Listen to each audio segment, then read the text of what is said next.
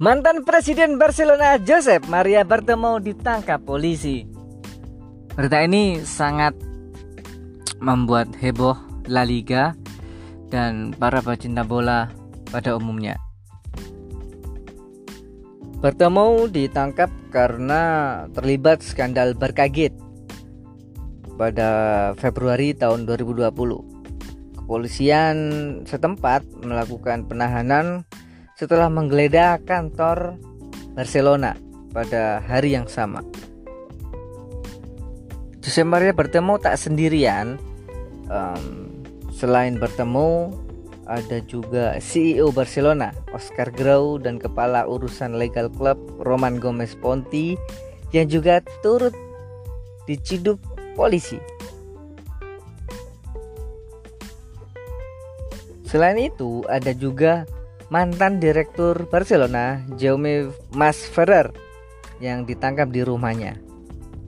Namun akhirnya Bartomeu dan Masferrer dibebaskan karena uh, ada jaminan.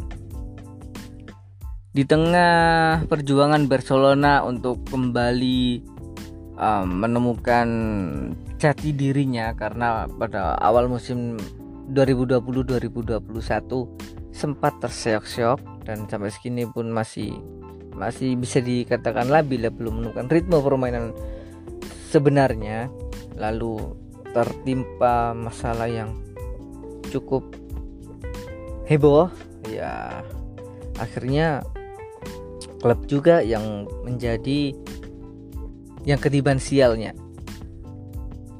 Nah skandal berkaget ini menyeruak pada Februari tahun lalu. Waktu itu Barcelona diduga membayar buzzer untuk menyerang tokoh-tokoh yang mempunyai uh, peran yang cukup mencolok di Barcelona.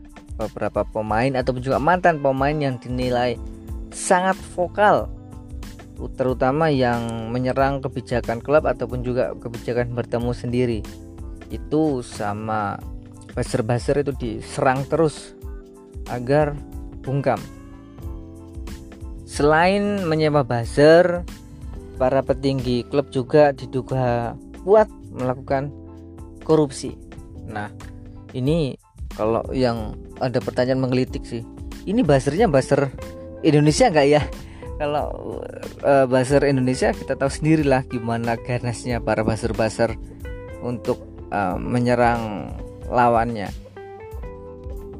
Pada awal musim juga santer berita tentang friksi-friksi yang terdapat di tubuh Barcelona, mulai dari presiden, para petinggi juga sering terlibat friksi sehingga beberapa di antaranya memilih mundur dari jabatannya. Di lingkup pemain ada Neymar dan Dani Alves yang kabarnya Hengkangnya mereka ini juga ada andil dari Bartemu. Selain itu, Bartemu juga dituding sebagai penyebab mundurnya dua direktur teknik mereka yang dulu Andoni Zubizarreta dan Erik Abidal. Mundurnya Zubizarreta dan Erik Abidal ini waktu itu memang sudah tercium bahwa mereka berseberangan dengan presiden saat itu Josep Maria Bartomeu sehingga mereka memilih mundur dari jabatannya waktu itu.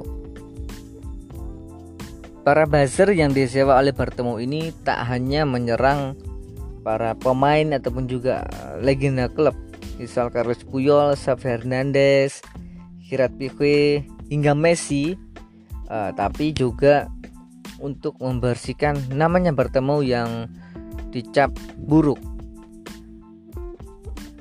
nyaris hengkangnya Messi pada awal musim 2020-2021 ini juga disebut-sebut sebagai uh, juga disebut-sebut ada andil bertemu di situ sehingga akhirnya Messi pun memilih bertahan di Barcelona.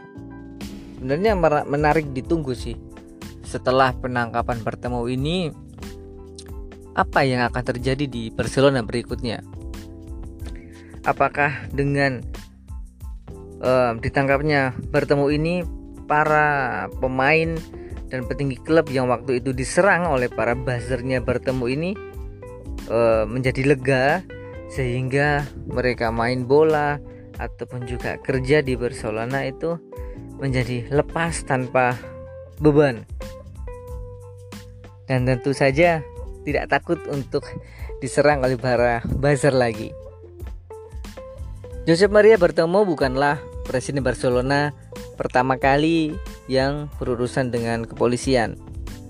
Pada periode kepemimpinan Jose Luis Nunes waktu itu pada tahun 78 hingga Juli 2000 juga terjadi kasus penyuapan dan pemalsuan dokumen sehingga Jose Luis Nunes pun dijebloskan ke penjara selama 2 tahun dan 2 bulan.